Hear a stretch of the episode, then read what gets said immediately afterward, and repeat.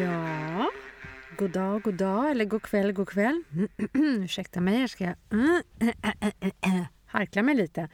På precis det där sättet som man inte ska göra om man håller på med rösten va. Men nu gjorde jag det i alla fall. All right. nu ska vi se vad, vad det finns för frågor i den här lilla skålen idag. Det är alltid lika spännande. Här har vi första lappen. Ska vi se om jag ser vad det står på den. Eh, ha.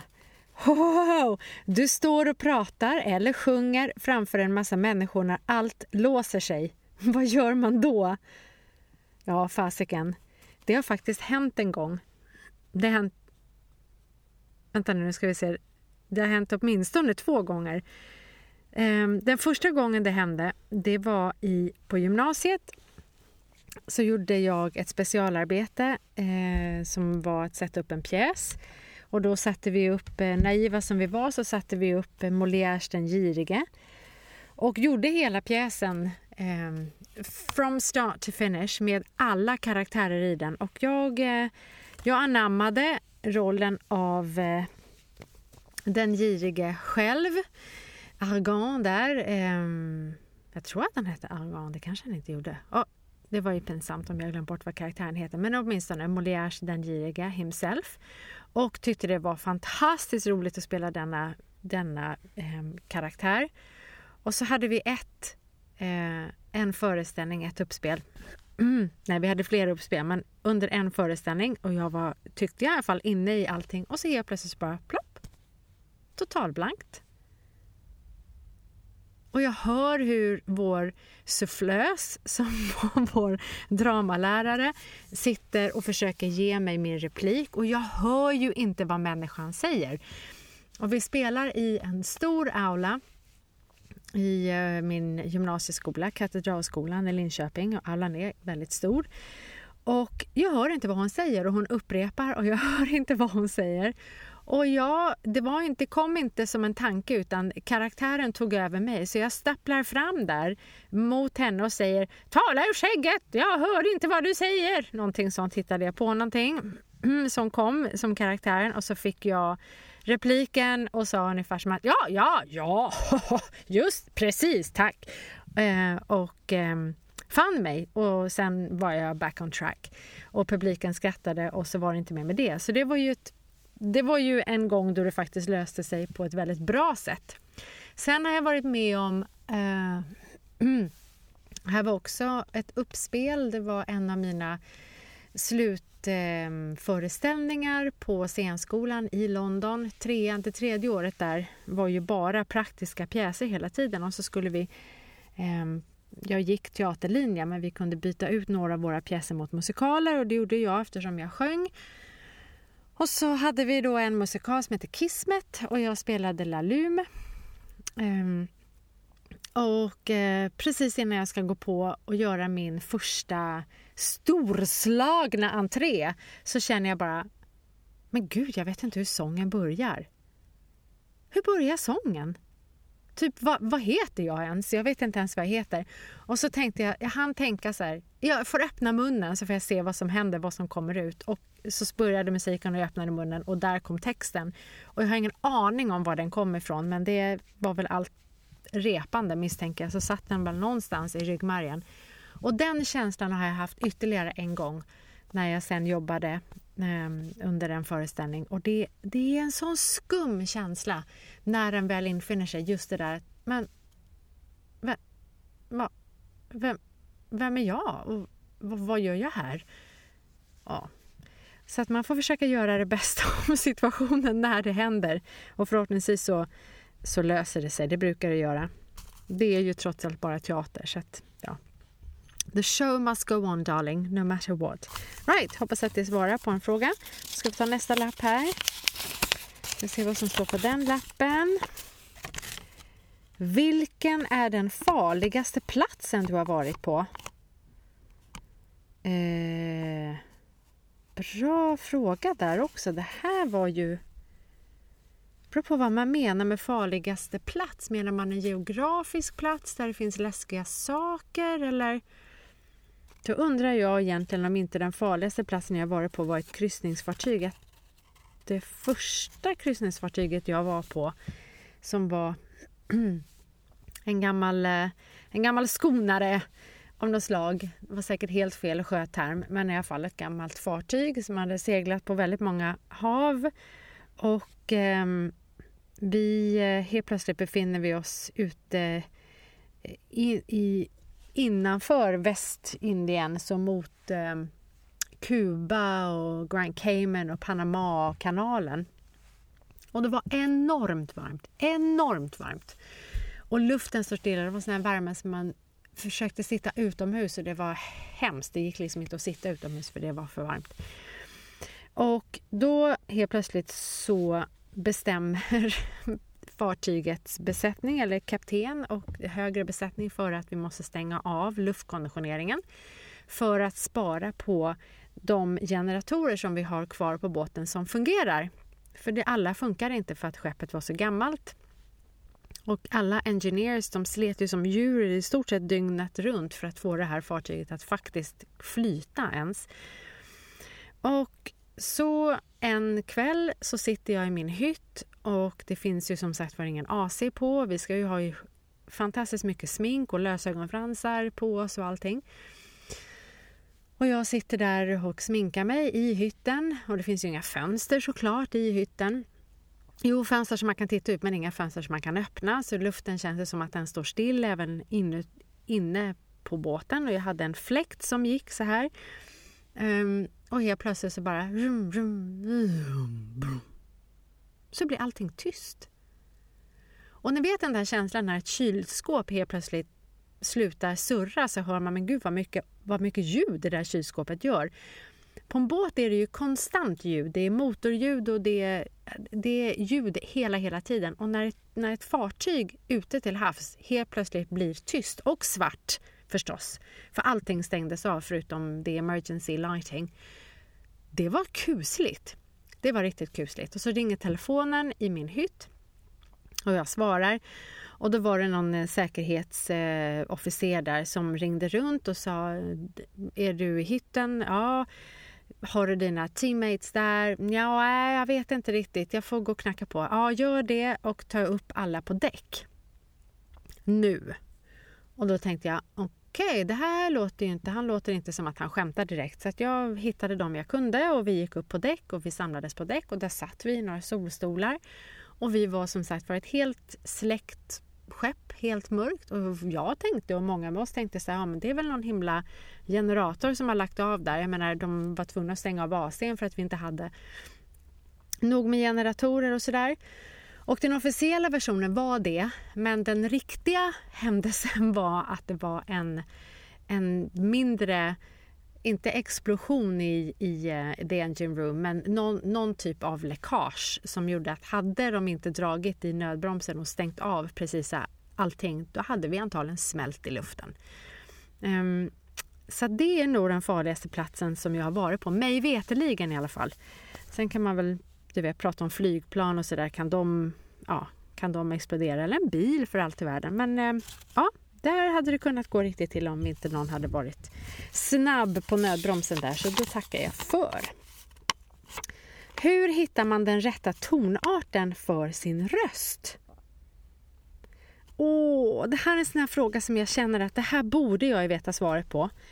Och det gör inte jag egentligen. Det här, jag har sjungit så himla länge och jag har pratat så himla länge och samtidigt tycker jag att det är lite läskigt just det här med att lära ut speciellt sångteknik. Andningsteknik och röstteknik, det är en sak, men just den här sångtekniken, hur hittar man den rätta tonarten för sin röst? Jag tror att den som har frågat menar kanske dels vad man har för röstläge, det vill säga är du sopran, är du mezzosopran, är du koloratur, är du bas, är du tenor? Och då skulle jag vilja säga så här att för det första så gäller det att hitta där det känns bekvämt att prata. Var känns det bekvämt att prata? Om jag skulle helt plötsligt börja prata här uppe eller kanske här uppe eller kanske här uppe hela tiden. Oj, då måste jag ju nästan sjunga och då känner jag mig lite grann kanske som Birgit Nilsson som sjunger eller som sjöng i stort sett hela tiden när hon pratade också. Och skulle jag hela tiden prata här nere då skulle det kännas ganska obekvämt också som att jag liksom tryckte ner min, mina stämband och mitt struphuvud så att jag skulle få den här låga eh, känslan i min röst. Och det känns ju inte riktigt rätt heller. Utan någonstans ungefär här där jag pratar tycker jag känns bekvämt och jag kan gå upp lite och jag kan gå ner lite men jag rör mig runt omkring samma läge, röstläge. Eh, när jag är frisk, när man är förkyld så ja, droppar röstläget eh, naturligt så. Men då tänker jag att då får man börja där, leka runt med vad det känns, eh, vad det känns bekvämt och avslappnat. För det är ju det som är grejen med att prata. Men vi ska ju kunna prata så här bla bla bla bla bla bla bla prata, prata, prata, prata och ta ett andetag. Ja, och sen fortsätta prata och prata, prata, prata. Och då egentligen så tror jag att, att riktigt duktiga både sångpedagoger och duktiga talpedagoger eller logopeder kan från din talröst redan där klassificera in dig. Mm, du låter mer som att du är sopran, du har mycket övertoner och en ljus klang som kommer in där. Mm, du låter mörkare röst än du är kanske allt, eller det finns kvinnor även som är lägre än allt också. Och så får man väl börja och leka där. Så hoppas att det ger svar på frågan. Annars får man höra av sig igen och ställa en följdfråga. Ja, så kan det gå till. Då tar jag nästa fråga. Mm. Hur är det att uppträda på kryssningsbåtar? Vad roligt med tanke på min, eh, min berättelse där. Det är skitläskigt att uppträda på kryssningsbåtar. De kan smälla i luften. Gör det inte! Nej, jag bara skojar. Ehm, det var väldigt roligt att uppträda på kryssningsbåtar. Hur är det att uppträda på kryssningsbåtar? Jag vet inte riktigt. Menar man då som skillnad från att uppträda på teatrar som inte befinner sig på en flytande båt? Eller är det det man menar kanske med frågan? Jag vet inte riktigt vad man menar där. Ehm, själva uppträdandet är ju ingen skillnad. Jo, nu höll jag på att försäga mig. Det är klart att det är skillnad. För saken är ju den att du befinner dig på en båt som är på ett hav och är det storm på det där havet, då rör sig båten. Och är det riktigt rejäl jäkla storm, vilket jag har varit med om, då blåser kryssningschefen, eller liksom the cruise director, den personen som är ansvarig för all underhållning ombord, brukar ställa in föreställningarna om det anses för farligt att uppträda på scenen. Ehm, jag har, vi har, jag har uppträtt i, i stormar där det liksom var gränsfall. Och eh, det var rätt kul för att mitt i en dans, i ett dansnummer så skulle vi alla göra någon typ av eh, piruett och liksom ett litet hopp. Och det var verkligen ett litet hopp för det här var en liten båt med en liten scen så det kunde liksom inte vara ett jättehopp. Och helt plötsligt under det här hoppet, och det var ju tur att vi var synkade, så gör båten en sån här liten duff, en liten, ett litet gupp på en våg som helt plötsligt kom in från nowhere som vi ju inte kan se för vi är mitt inne i teatersalongen, mitt inne i båten med inga fönster. Och scenen flyttar ju på sig under tiden som vi hoppar samtidigt. Så där, det var ganska det var intressant. Där höll vi alla på att hamna i orkesterdiket kan jag säga. Mm. Så det är väl skillnaden egentligen med att uppträda på kryssningsbåtar till skillnad från en, en teater med en scen som inte rör sig på samma sätt. Sen finns det scener som rör sig för att det finns olika scengolv som kan röra sig och det är nummer fjärde. Men jag menar liksom att teatern står still på land. Det menar jag. Ja, okej. Okay. Berätta om en skiva som har betytt mycket för mig. Oj, vad naken jag känner mig nu, känner jag. Gulp. Um. Hmm.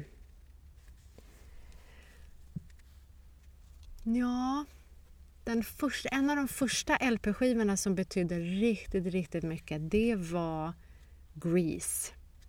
Jag fick gå och se Grease. Jag var inte riktigt sex år fyllda. Man skulle vara sex år eller man skulle vara sju år till och med för att se den. Hur som helst hade jag inte riktigt åldern inne. Men min mamma hade varit och sett den här filmen och blivit störtkär i hela filmen och antagligen i John Travolta också. Eh, och tog med mig den här eh, den tog med mig på den filmen och smugglade in mig och jag var hårt drillad att fråga dem hur gammal du är så ska du säga att du är och hur mycket den var, om det var sju eller sex, jag kommer inte ihåg. Och går in där och kommer ut bara som totalt lycksalig upp över öronen förälskade John Travolta och vill bara vara Sandy. Det fanns liksom ingenting annat. Där och då, det var en sån där... That was the point of no return. Jag hade liksom alltid velat sjunga och dansa men efter den filmen, det var... Oj, oj, oj, kan jag säga. Det där med musikaler, musikaler på film och push. Och den kvällen när vi hade kommit ut och sett den här filmen, det måste antagligen ha varit någon typ av eftermiddagsföreställning eftersom jag var så pass liten också. Så gick vi till någon skivaffär som hade öppet i Gamla stan vill jag minnas. Kan det stämma? Ja, skitsamma. Eh, och köpte LPn, dubbel-LPn till Grease.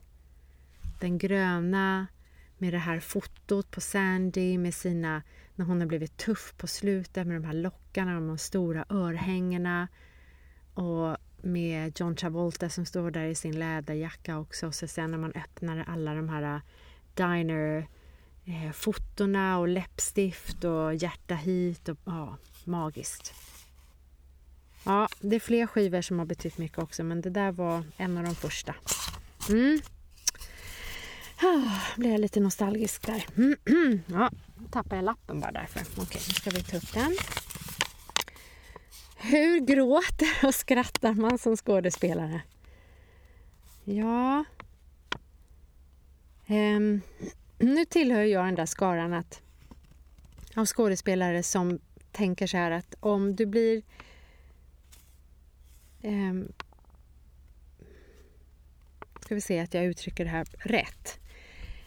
Repetitionsprocessen, ska jag säga, om vi börjar där, är för mig en oerhört viktig process där du gärna som skådespelare blir berörd på riktigt på alla sätt. Gråter, skriker, kommer i kontakt med eh, dina egna känslor och lever ut dem så att du kan bli så transparent som möjligt när väl föreställningen är igång.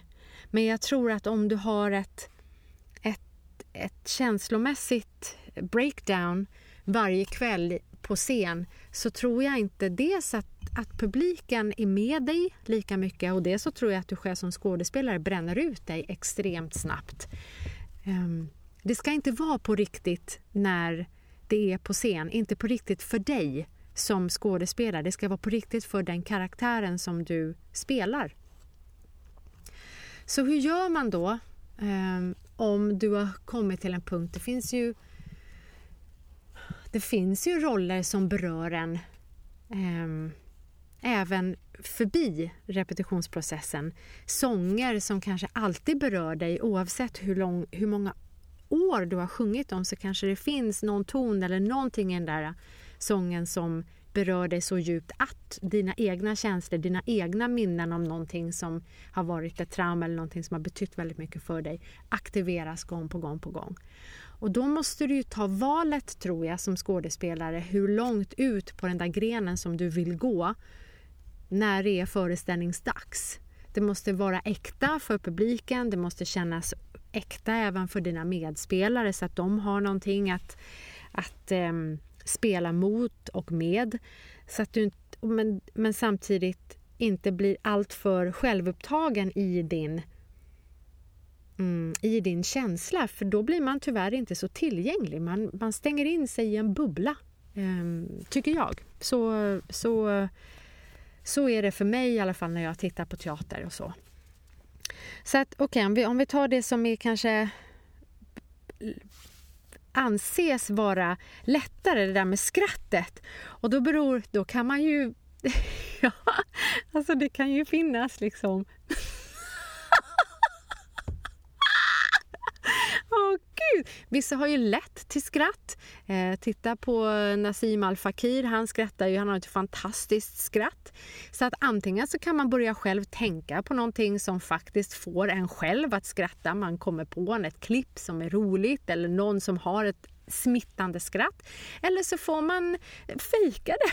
Då kan man, man kan liksom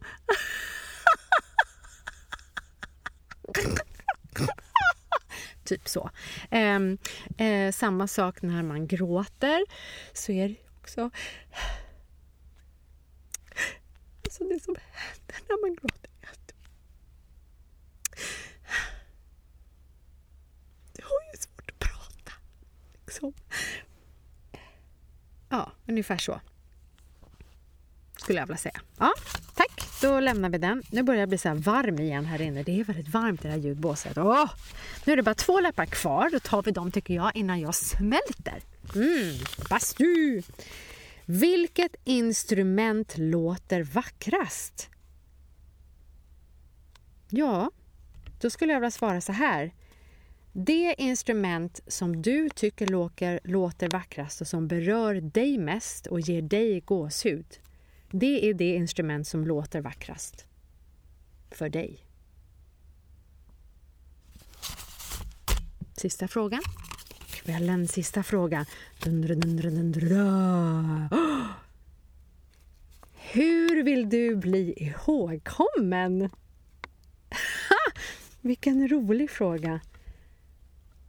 Den som skriver de här frågorna är väldigt smart alltså. Det är någon väldigt smarta personer som har skrivit de här frågorna och skickat in. Hur vill du bli ihågkommen? Ja, för det första så skulle det vara härligt att bli ihågkommen. Full stop. Att eh,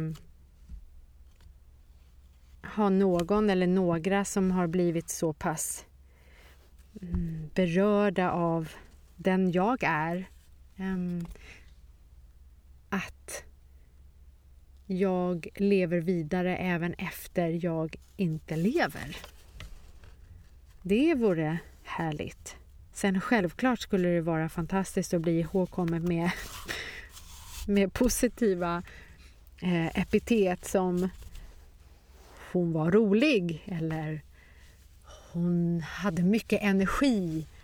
Hon brydde sig alltid mycket om andra men kunde samtidigt sätta gränser och säga ja men nu behöver jag ta en paus. Mm. Hon var en fin mamma. Hon var en fin fru. En bra kamrat. Sådana saker skulle jag vilja bli ihågkommen för. Mitt ego skriker genast i mitt huvud nu så här att du sjunger fint och för att du är en duktig skådis. Okej, okay, då jag får lägga till det också då. Ja, det skulle vara trevligt om någon tyckte att min röst var fin också. Ja, kära vänner. Tack så mycket. Det var allt för ikväll. Nu säger jag puss och kram. Sov så gott. Vi ses och hörs snart. Mwah!